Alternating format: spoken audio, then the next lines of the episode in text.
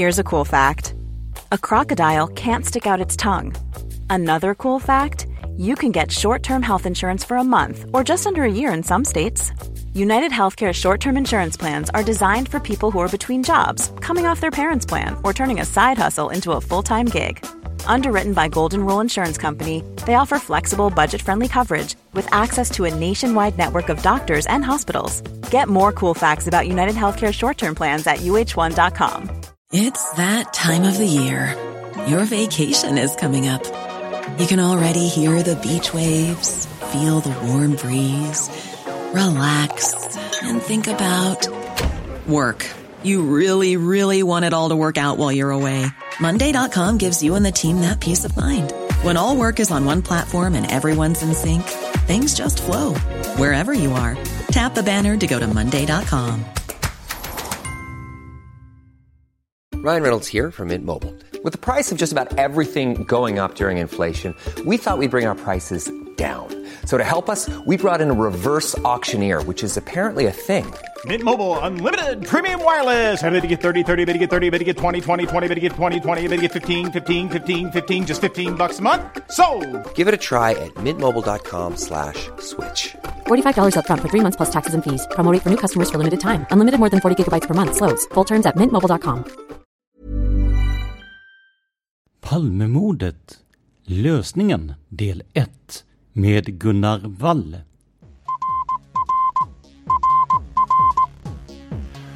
Sveriges statsminister Olof Palme är död. 90 000. Ja, det är mord på Sveavägen. Hörde de säger att det är Palme som är skjuten. Mordvapnet med säkerhet är en Smith Wesson, en revolver kaliber .357. Inte ett svar. Finns inte ett svar. För jag har inget. Polisen söker en man i 35 till 40-årsåldern med mörkt hår och lång mörk rock.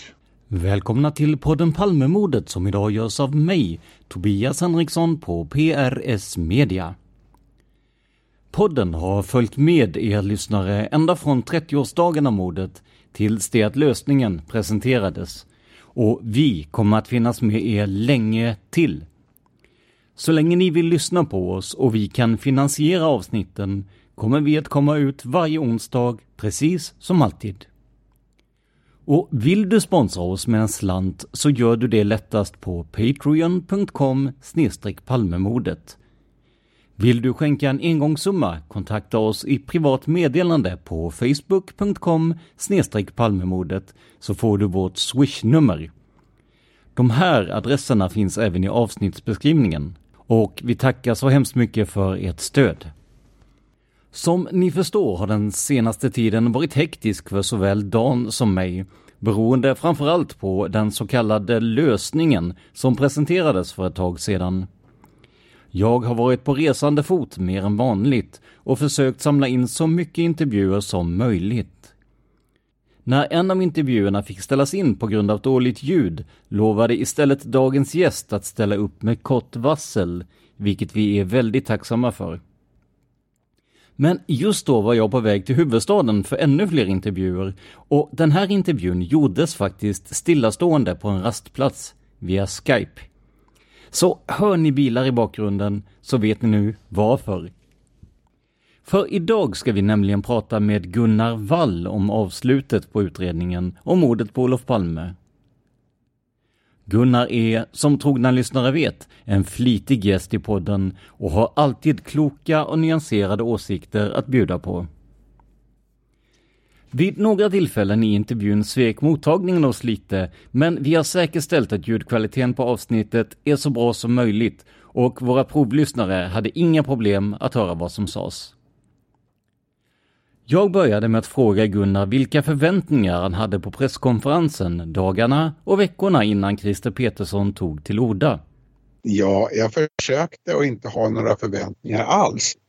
Och det berodde helt enkelt på det att det hade spekulerats väldigt mycket om vad som skulle komma fram. Eh, om vem eller vilka som skulle pekas ut och vilka argument eller faktiska nya bevis som Petersson skulle ha. Och jag visste att jag skulle få uttala mig om saker på en del håll omedelbart efter att han hade gått ut med det.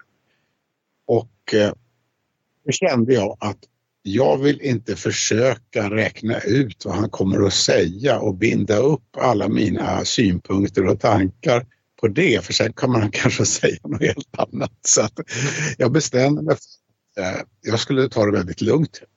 Det gick ju inte riktigt, såklart. Eh, men eh, att liksom avvakta vad han hade, hade att säga och ta det som det blev. Och då insåg jag väl att eh, det fanns ju möjlighet att han skulle kunna lägga fram någonting som var fruktansvärt övertygande. Som ligga i linje med någonting som jag hade föreställt mig i alla fall. Jag skulle också kunna lägga fram någonting som var fruktansvärt övertygande som jag inte alls väntat mig. Till exempel att det skulle vara Stig Engström som var gärningsmannen. Eh, men att, men att det skulle också kunna vara så att han la fram som jag uppfattar svagare som det kanske fanns inslag Och eh, det skulle också kunna vara så att han la fram någonting som jag tyckte var alldeles undermåligt.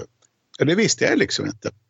Men Jag tänkte väl att jag får ju ställa in mig på att han har någonting med viss tyngd och så får jag försöka att hantera egna reaktioner inför det så att jag lyssnar noga på vad han säger och inte hasplar ut några reflexmässiga kommentarer om saken. Ungefär så tänkte jag kan man säga. Och jag, jag kan också säga att eh, jag visste ju om att Stig Engström hade varit den hetaste spekulationen. Jag hade hört vissa uppgifter på att det skulle kunna vara Sydafrika och jag tänkte att det skulle också kunna vara något helt annat ändå. Men jag tänkte väl det att eh, jag hade lite svårt att ta till mig ändå att det skulle vara Stig Engström därför att det skulle kräva att de hade nya bevis som jag såg det. Och jag hade faktiskt lite svårt att föreställa mig att jag skulle kunna ha det. Framför allt för att jag eh, liksom var rätt starkt inne på att jag tyckte inte att Engström-hypotesen hängde ihop särskilt bra. Men jag insåg att jag skulle kunna ha fel. Ungefär så. Vad, vad, när du väl satt här eh, vid presskonferensen och fick det här presenterat för dig där Stig Engström pekas ut eh, som i alla fall trolig eh, gärningsman men man kanske inte har så mycket fasta bevis. Hur gick tankarna då? då? Jo, alltså eh, när jag fick klart för mig att eh, det handlade om Stig Engström då ställde jag in mig på och tänkte att nu får vi se vad de har för någonting. De måste ju ha några stora grejer. Och sen ju längre tid gick desto häpnare blev jag för det hela tuggade på. Och jag kunde inte höra någon ny bevisning utan det var det som har diskuterats på, på exempelvis min blogg i argument som har varit uppe fram och tillbaka som finns i Thomas Petterssons bok och som har besvarats av andra på olika sätt. Så jag tänkte det här är ju sådana saker som, som jag känner till alltihopa och där han dessutom då väldigt ensidigt bara redovisade sådana uppgifter och tolkningar av uppgifter som gick i riktning mot att Engström skulle vara skyldig. Han tog liksom inte upp någonting som gav argument för att han skulle kunna vara oskyldig. Att det var, var lite häpnadsväckande för jag hade väntat mig att han är åklagare och lyder, lyder under den lagstiftning åklagare lyder under så, så har de ett krav på sig att vara objektiva. I alla fall alltså väldigt starkt krav fram tills att de väcker åtal. Och även under rättegången om det skulle bli en sån så ska de fortsätta och vara så objektiva så att om en åklagare kommer på att argumenten som kommer fram talar emot åtalet så kan han säga att jag drar tillbaka åtalet. Här hade vi inte ens ett åtal eller läge för ett åtal. Alltså han sa ju att han hade inte, han hade inte kommit så långt att det skulle räcka till ett åtal.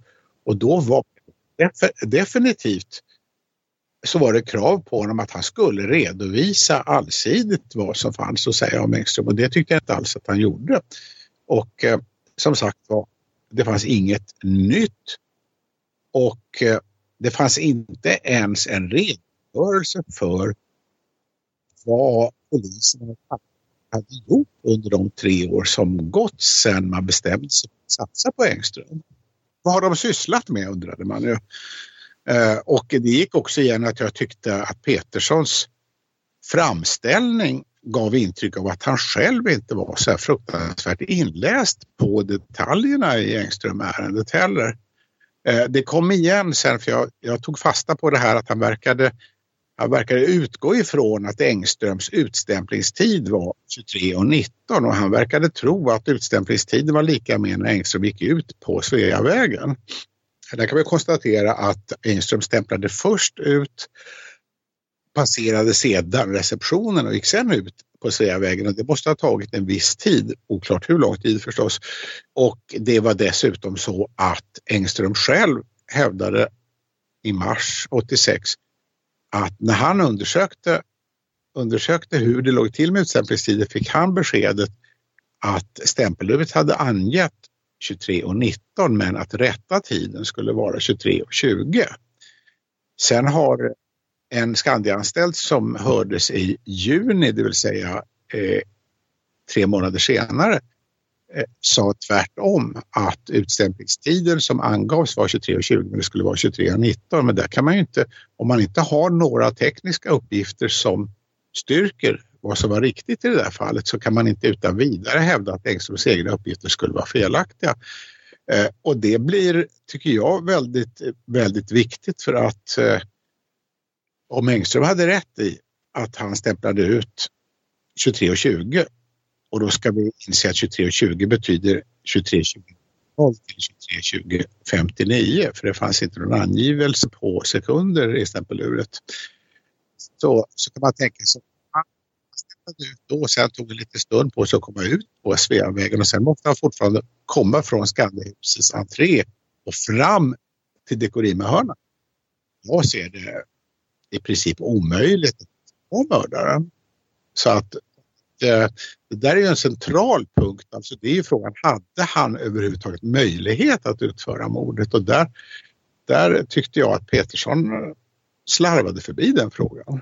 Men finns, alltså, så att om jag tolkar dig rätt då, är du, är du mer eller mindre övertygad om, om Stig Engströms skuld eller är du, är du så att säga på samma nivå som du var innan den här presskonferensen då? Nej, jag måste väl säga att efter presskonferensen så är jag ju eh, ännu starkare inne på att, eh, att utpekandet av Engström är väldigt svagt.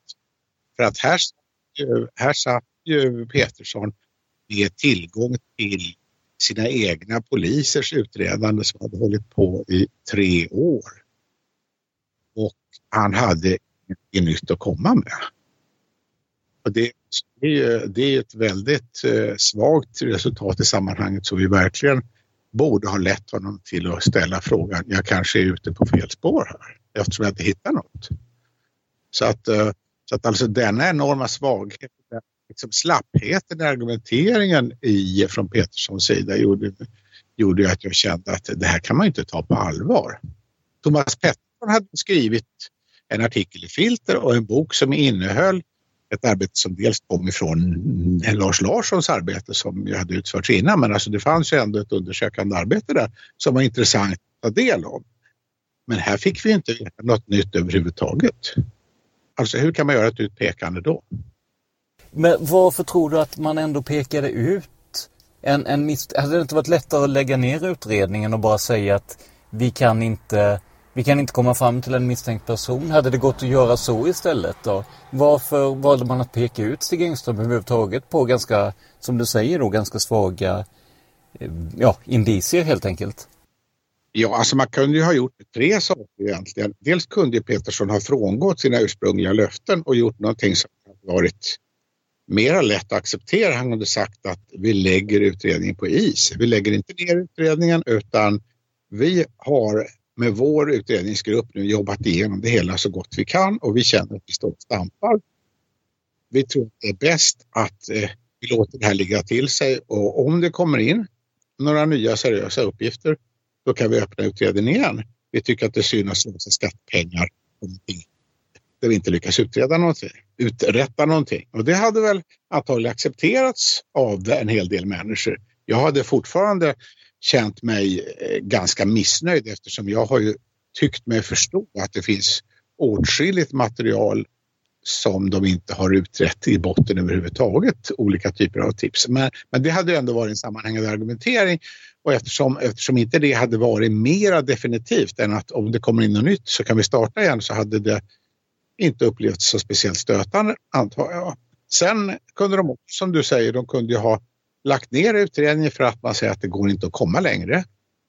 Eh, och det hade ju, det hade ju visserligen väckt väldigt stora lika stötande som ett utpekande av en namngiven individ. Utan, utan när de ändå gjorde det, jag tror att kanske en del av svaret ligger i det Petersson sa i en intervju som jag såg att eh, när vi nu har ett utpekande av Engström så ligger det i vägen för alla andra tänkbara lösningar. Det kommer inte gå att tala någon annan när vi har den här långa indiciekedjan mot Engström. Så att, så att alltså det han sa där var ju i princip att det inte är någon, någon egentlig idé att fortsätta utreda även om det skulle komma, kunna komma in nya uppgifter för att vi har en lösning som inte går att vifta undan.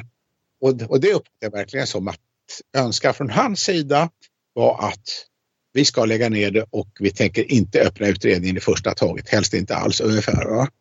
Eh, och eh, när, när Petersson sa att Engström står i vägen för alla andra lösningar och att det inte är någon idé att fortsätta.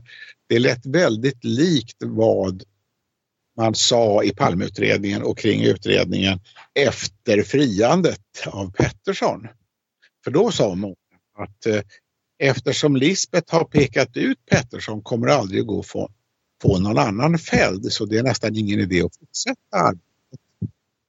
Det hindrar ju inte Petersson ifrån att peka ut en helt annan individ nu många år efteråt så att eh, sådana argument har ju bara sin relativa styrka uppenbarligen. Va? Och eh, jag skulle vilja säga att utpekandet av Pettersson, alltså när man hade ett uttalande ifrån Lisbeth att det var Pettersson som stod på mordplatsen. Det skulle jag vilja hävda är ett mycket starkare eh, utpekande än vad Petersson lyckades göra om Stig Engström. För att, för att här hade man den person som var huvudvittne som själv hade blivit beskjuten som säger att det var Christer Pettersson hon såg och att hon är helt säker på det. Och det är ju klart att det är ju onekligen ett argument av något slag som jag menar var felaktigt. Men, men alltså det var ett argument. Det är inte undra på att det imponerade på folk. Men något sådant argument fanns inte i det här utpekandet. Jag frågade ju Christer Petersson, vi fick ju en, en kortare intervju med honom. Jag frågade ju också vad, vad är det som gör det här till en lösning som svenska folket ska acceptera när vi har Christer Pettersson-fallet då, precis som du säger, som jag uppfattar det så mycket starkare. Och eh, han duckade ju i princip den frågan, i alla fall när han pratade med mig, genom att berätta att han tyckte att de hade en, en, en tänkbar gärningsman eh, som de inte kunde utreda för att han var avliden och så vidare. Men han kommenterade inte alls likheter eller skillnader mot eh, Christer Pettersson-fallet helt enkelt. Men eh, annars gjorde han ju vissa andra uttalanden i sin genomgång där han uttalade sig nedsättande om tidigare utredare och menade ungefär att det, det var deras fel att man inte hade fått tag i Engström. Och det kändes ju också lite, lite desperat i sammanhanget. Och, och sen kan man säga att, att inte man kan utreda Engström för att han är avliden. De har ändå utrett Engström intensivt i tre år så de har tydligen ansett att de kan utreda honom. Så att, så att eh, man får liksom en känsla av att, att eftersom det inte gick att nita fast Engström så ska man säga att ja, det går ju inte att göra det. Ungefär som jag också reagerade att eh, det kommer aldrig att gå att binda ett vapen till mordet. Vilket jag tycker att efter 34 år att det dyker upp som en överraskande slutsats nu känns ju lite konstigt. Och, eh, och en annan sak som också jag tycker följer samma lite udda logik var ju det här som har kommit fram hade DNA-topsat Engströms släktingar. Och när det visade sig att det inte var Engströms DNA då var breven inte intressanta överhuvudtaget. För att, för att om de här breven var så utformade så att utredarna utifrån sina initierade kunskaper hade anledning att tro att det skulle vara gärningsmannen som hade skrivit dem, då, då borde det ha varit väldigt enklare var någon annan. Så att där fick jag också en känsla av att ja, om vi inte kan knyta Engström till det här då är det inte intressant. Det var ju en absurt ensidig argumentering som, som skakade om mig verkligen, det måste jag säga. Varför skulle man vilja knyta just eh, Engström till det här, tänker du då? För alltså, det verkar ju som att man tycker att man har nått vägs ände, man vill lägga ner utredningen. Men varför just Engström liksom? Om det nu bara är så att säga ett svepskäl för att lägga ner utredningen. Ja, jag antar, alltså jag vet ju inte. Det var ju så att Petersson hade, så fort han blev åklagare så utstrålade han ju liksom en sån där eh, ambition att det här ska jag klara av. Det ska inte bli några svårigheter ungefär. It's that time of the year. Your vacation is coming up. You can already hear the beach waves, feel the warm breeze, relax and think about work. You really, really want it all to work out while you're away. Monday.com gives you and the team that peace of mind. When all work is on one platform and everyone's in sync, things just flow wherever you are. Tap the banner to go to Monday.com. Ryan Reynolds here from Mint Mobile. With the price of just about everything going up during inflation, we thought we'd bring our prices down. So to help us, we brought in a reverse auctioneer, which is apparently a thing. Mint Mobile unlimited premium wireless. Ready to get 30, 30, bit to get 30, bit to get 20, 20, 20, bit to get 20, 20, bit to get 15, 15, 15, 15 just 15 bucks a month. So, Give it a try at mintmobile.com slash switch. $45 upfront for three months plus taxes and fees. Promo for new customers for limited time. Unlimited more than 40 gigabytes per month. Slows. Full terms at mintmobile.com. How would you like to look five years younger? In a clinical study, people that had volume added with Juvederm Voluma XC in the cheeks perceived themselves as looking five years younger at six months after treatment. Look younger, feel like you. Add volume for lift and contour in the cheeks with Juvederm Voluma XC. Reverse signs of aging by adding volume to smooth laugh lines with Juvederm Volure XC.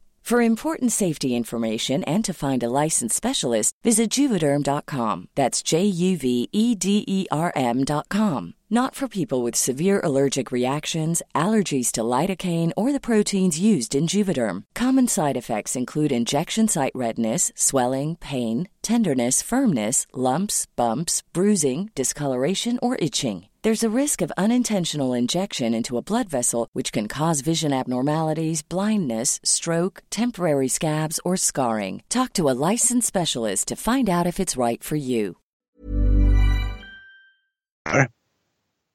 Och jag vet ju inte vid vilken tidpunkt han kom fram till att det var Engström som skulle få bli lösningen. Men, men, eh, men jag kan ju tänka mig att, att han framstod som attraktiv helt enkelt för att eh, man har en avliden person som inte kan argumentera emot. Det kommer inte bli en rättegång, han kommer inte få någon försvarsadvokat.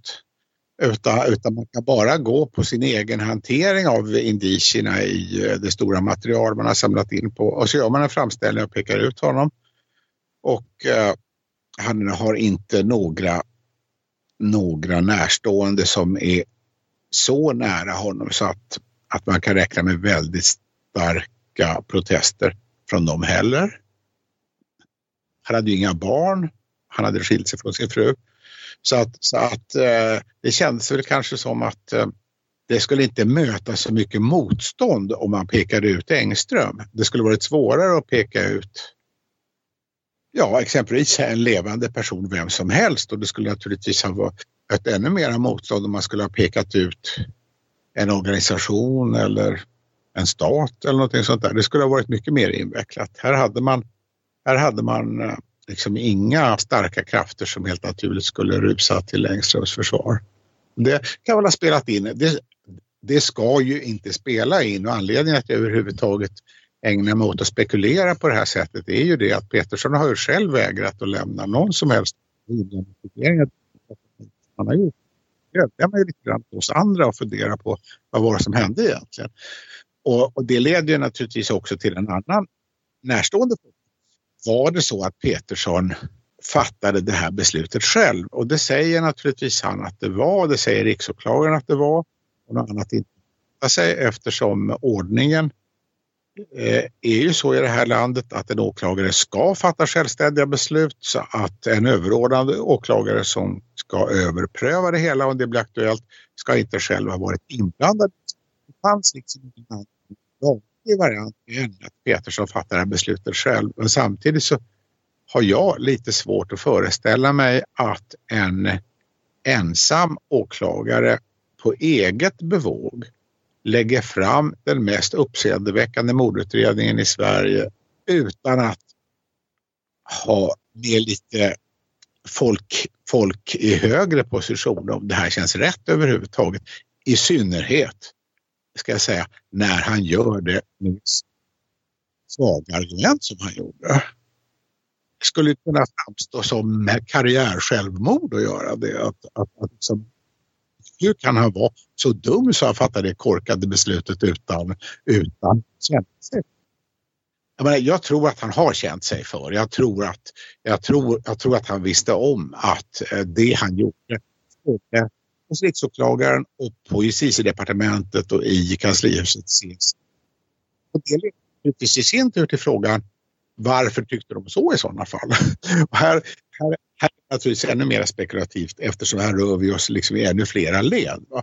Men alltså jag kan ju bara säga att för mig så har det här likheter med hur utredningen har bedrivits i tidigare faser också. När man har, när man sätt att man från kanslihuset in i utredningen om, om hur utredningen ska bedrivas eller också, eller också till och med som med Ebbe Carlsson-affären operationer som var förankrade i kanslihuset som gick utanför och vid sidan av åklagare och spaningsledning. Så att alltså jag, jag föreställer mig att eh, det att vi har lättat en suck på sina håll när den här utredningen att det blev nedlagt för det innebar att nu ska man inte hålla på och rota i det här eländet längre. Och det kommer ju också uttalanden från olika representanter för eh, det politiska, politiska etablissemanget om att det här verkar vara en bra lösning. Och det, det, det tycker jag var ja. Jag tänker när man tittar då på Stig Engström, man tittar på Skandiahuset. Det hade ju varit lätt till exempel att dra paralleller mot Stay Behind exempelvis. Eh, eh, vad jag förstår så menar väl Petersson att, att de har tittat lite åt det hållet. Men jag, jag har inte hört någonting mer om det. Vet du någonting mer om huruvida man har tittat på Engström som del av en organisation? Jag har ju fattat att man har hållit förhör med personer som är hemma i de där nätverken men att man inte har kommit någonstans enligt vad som har sagts. Och, eh, alltså jag tycker det är väldigt intressant och jag hoppas att det kommer att komma fram material i takt med att utredningsmaterial släpps som visar hur har jobbat med sådana frågor. För att jag kan mycket väl tänka mig att det i, i Palmegruppen och kanske till och, med, till och med hos Petersson själv i något stad funnits ett intresse för att pejla den typen av frågeställningar som ju naturligtvis är intressanta. Eh, alltså det, det är ju intressant att eh, fråga sig eh, om Stay nätverket kunde haft någonting att göra med händelserna på Sveavägen den här kvällen oavsett om Engström var inblandad eller inte. Eh, att har uppenbarligen ägnat sig åt det här men hur långt de har kommit och eh, av vilken orsak de släppte den biten, det vet vi inte. Eh, ett annat spår som man pratade om precis innan här, det var ju Sydafrika. Det skulle ha utbytts dossierer från eh, eh, ja, från Sydafrika helt enkelt och liknande. Bland annat Lars Borgnäs hade ju indikationer på detta. Vad, eh, har du fått en inblick i hur mycket eller lite Sydafrikaspåret var, var aktuellt här eh, senaste åren? Nej, alltså jag har, jag har ju bara förstått att de har tagit del av uppgifter om Sydafrika. Eh, så att det har ju funnits med i bilden också. Det, och liksom, det stod ju när, alltså det var ju bland annat de här uppgifterna om överlämnandet av handlingar som skulle ha skett så sent som i mars i år då Palmeutredarna skulle fått handlingar från Sydafrika gav ju mig ett intryck av att, eh, att de arbetade med det här ganska sent. Och det väcker ju i sin tur Inte minst eftersom Peterssons presentation gav ett så hafsigt Man kan ju säga så här att när han i ett åtal eller en nedlagd utredning och så frågade reportern vilket av det kommer att bli. Och det säger jag inte och så frågar reportern vet du vilket det blir? Ja det vet jag. Eh, då väcker ju det frågor för att eh, man kan ju undra, dels kan man ju undra varför gick Petersson ut med, med den typen av lockande löfte i februari redan? Varför skulle han i förväg tala om att han hade en lösning på gång? Och det i synnerhet, när, det vet vi ju när i alla fall inte alla utredningsåtgärder som handlade om Stig Engström var avslutade utan de fick, fick ju in en del uppgifter senare efter det. Dessutom, varför lät Petersson bli att säga om det skulle bli åtal eller om det skulle bli en nedlagd utredning?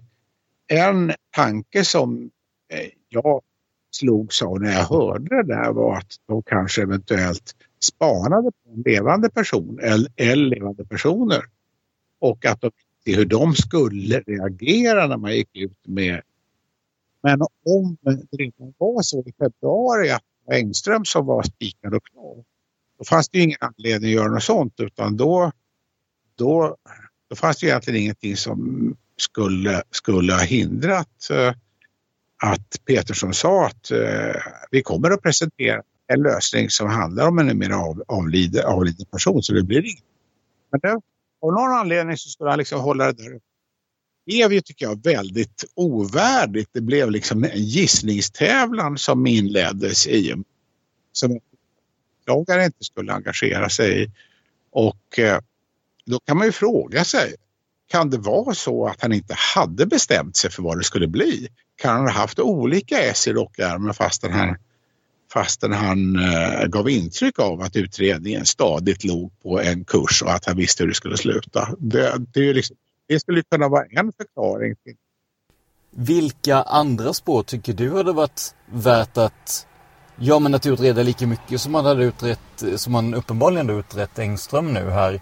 Eh, alltså finns det något Finns det något spår du tror att man hade kunnat komma 100% i land med helt enkelt? Det är väldigt svårt att säga efter, och vi vet ju inte heller vad de har. Vi kommer ju snart att veta lite mer vad de har i lådorna. Men jag vet att Dag Andersson sa ju för, efter att han hade slutat som spaningsledare att om folk skulle veta vad som fanns i utredningen som inte var utrett ännu så skulle de bli häpna, sa han.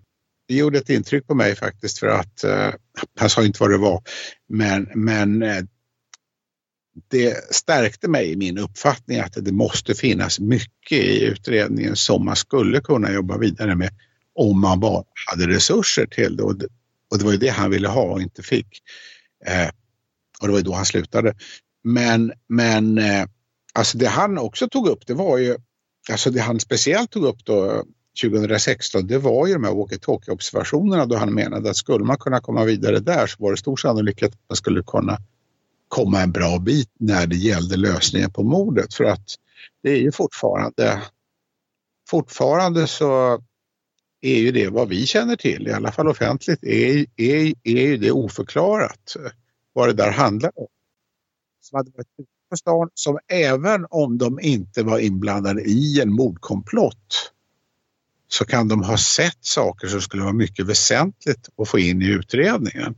Och när det inte är gjort finns det ett stort fält som inte, inte är utrett ännu. Och det, alltså jag, ja, då vet jag ju inte i vilken utsträckning finns det kunskaper i Palmeutredningen om vad de här personerna hade för sig.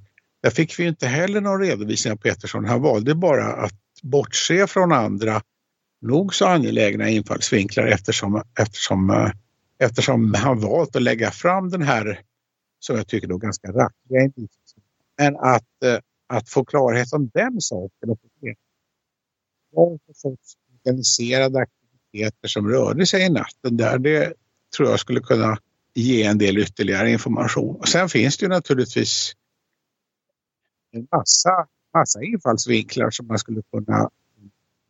Fortfarande undrar jag ju över sådana här saker som till exempel eh, stölden i länsrätten fem timmar före mordet. Alltså exempel och jag skulle kunna ta en massa andra exempel också på sånt där som känns att vi har inte fått något sakerna. Att, eh, jag tycker det att det hade väl inte varit orimligt att eh, en ganska begränsad skara utredare skulle fortsätta och jobba vidare. Alltså det här, de pengar som har lagts ner på utredningen hittills är, är, är ju avsevärt mycket, mycket större än vad det skulle kosta att ha en liten grupp som ändå tar hand om seriösa spaningstips. Därför nu, nu sätter man situationen att, att utredningsgruppen upplöses. Om det är någon som känner på sig att den har något viktigt att säga så vem ska den vända sig till med förtroende? Säg att det är en person som har fått en inblick i vad som hände mordkvällen eh, genom att till exempel personens make har berättat saker, kanske för att maken själv hade en aktiv roll i det som hände.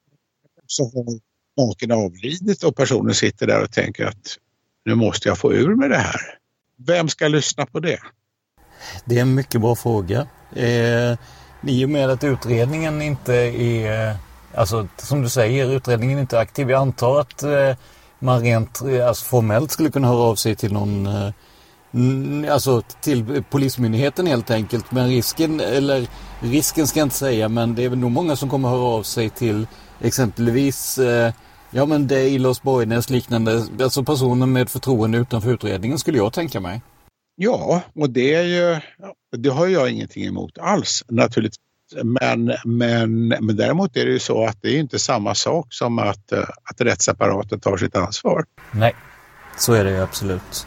Och eh, vi, vi har ju ett antal, Dan berättade för inte så länge sedan om ett, eh, ett mordfall som klarades upp eh, ja, över 40 år efter första brottet så att säga och med hjälp av DNA-teknik och sådär. Och att ha som du säger en liten grupp som exempelvis kan eh, titta på nya DNA-metoder eller som kan eh, eh, kanske komma fram till nya modeller vad gäller ballistiken och så vidare.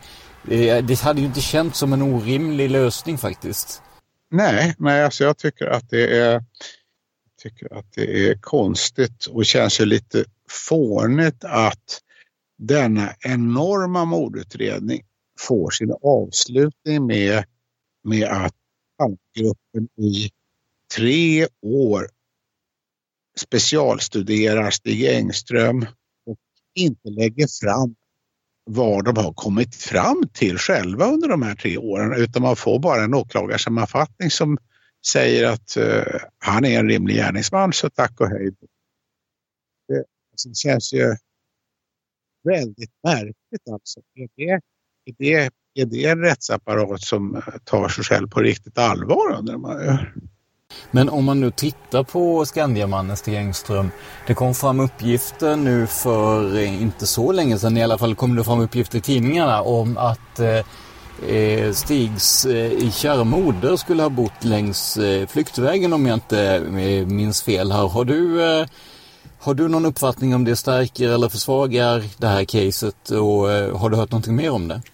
Ja, hon hade ju bott på Riddargatan var det Och eh, skulle han på något sätt, var väl en hypotes då, han skulle liksom ha rusat hem till mamma med, med revolvern, dumpat den där och sen sprungit tillbaka till Skandiahuset. Eh, jag har inte riktigt eh, klart för mig logiken i ett sådant påstående. Men alltså det liknar jag lite grann alla andra påståenden som har förts fram om Engström där man liksom har försökt att tänja och rycka och dra för att få ihop en historia som ska göra honom skyldig trots allt. Det, det, blir, liksom, det blir mer och mer invecklat.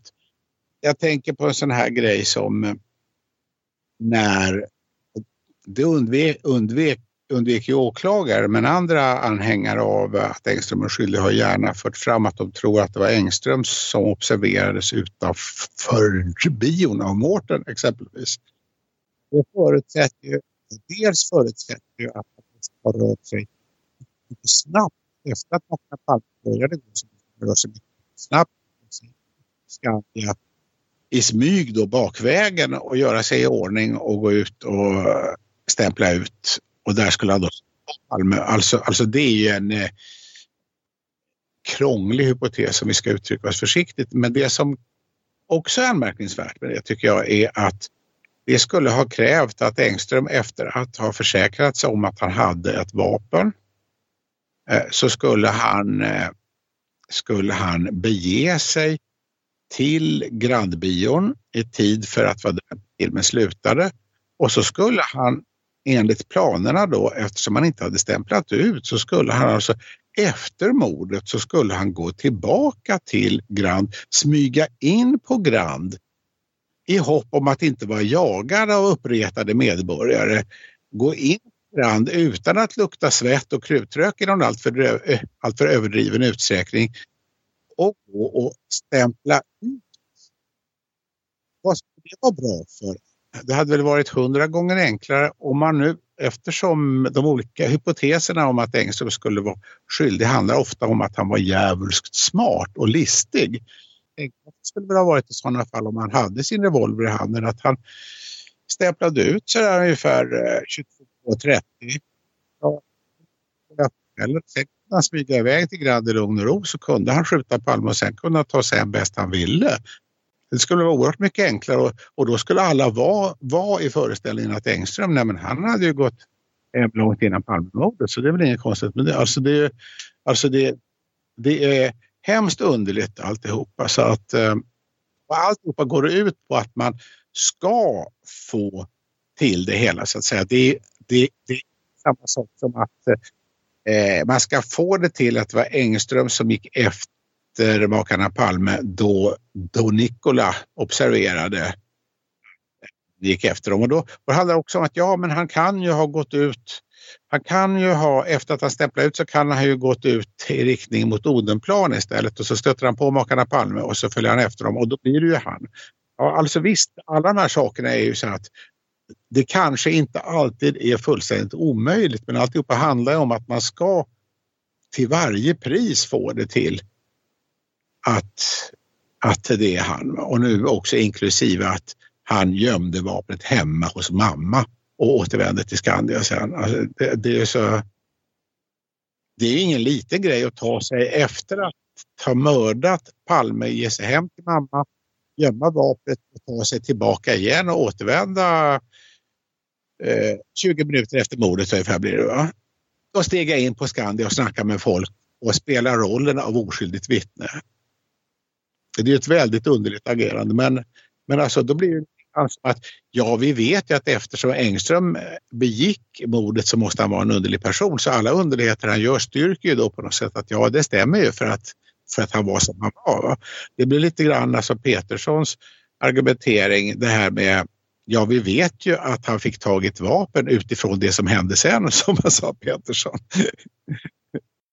När det handlar om Engström så tänker jag att jag tror att man kan ta de allra flesta människor och man är riktigt noga på dem så hittar egenskaper eller intressen eller sätt att vara.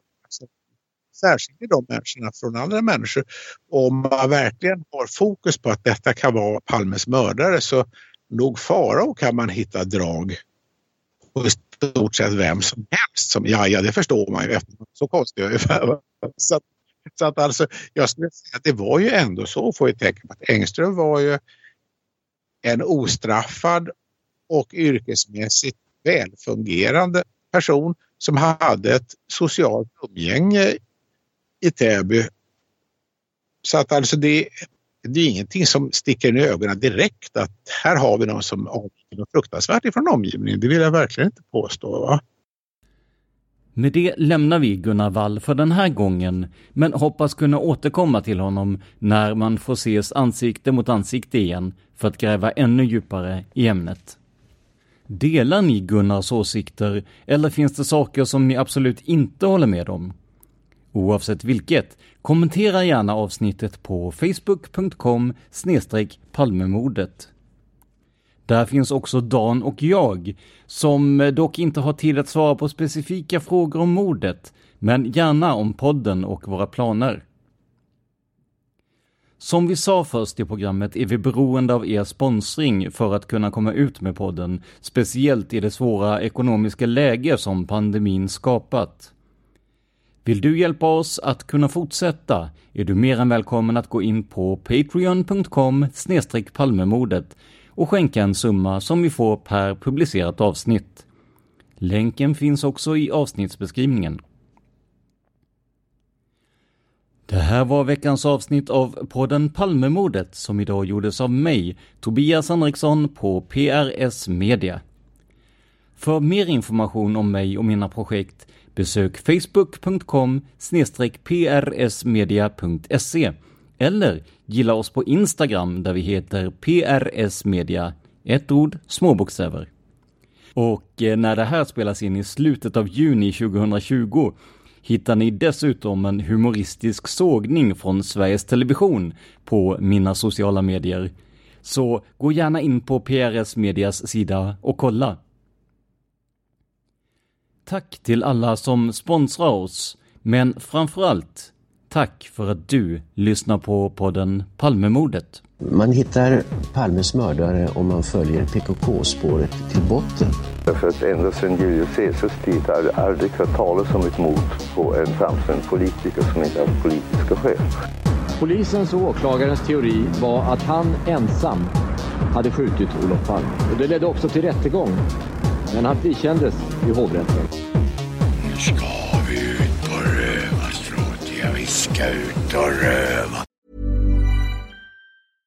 Flexibility is great. That's why there's yoga. Flexibility for your insurance coverage is great too. That's why there's United Healthcare Insurance Plans. Underwritten by Golden Rule Insurance Company, United Healthcare Insurance Plans offer flexible, budget friendly coverage for medical, vision, dental, and more. One of these plans may be right for you if you're, say, between jobs, coming off your parents' plan, turning a side hustle into a full hustle, or even missed open enrollment. Want more flexibility? Find out more about United Healthcare Insurance Plans at uh1.com. Even on a budget, quality is non-negotiable. That's why Quince is the place to score high-end essentials at 50 to 80% less than similar brands. Get your hands on buttery soft cashmere sweaters from just 60 bucks, Italian leather jackets, and so much more. And the best part about Quince, they exclusively partner with factories committed to safe, ethical, and responsible manufacturing. Elevate your style without the elevated price tag with Quince. Go to quince.com slash upgrade for free shipping and 365-day returns. Planning for your next trip? Elevate your travel style with Quince. Quince has all the jet-setting essentials you'll want for your next getaway, like European linen, premium luggage options, buttery soft Italian leather bags, and so much more. And is all priced at 50 to 80% less than similar brands. Plus, Quince only works with factories that use safe and ethical manufacturing practices. Pack your bags with high-quality essentials you'll be wearing for vacations to come with Quince. Go to quince.com slash pack for free shipping and 365-day returns.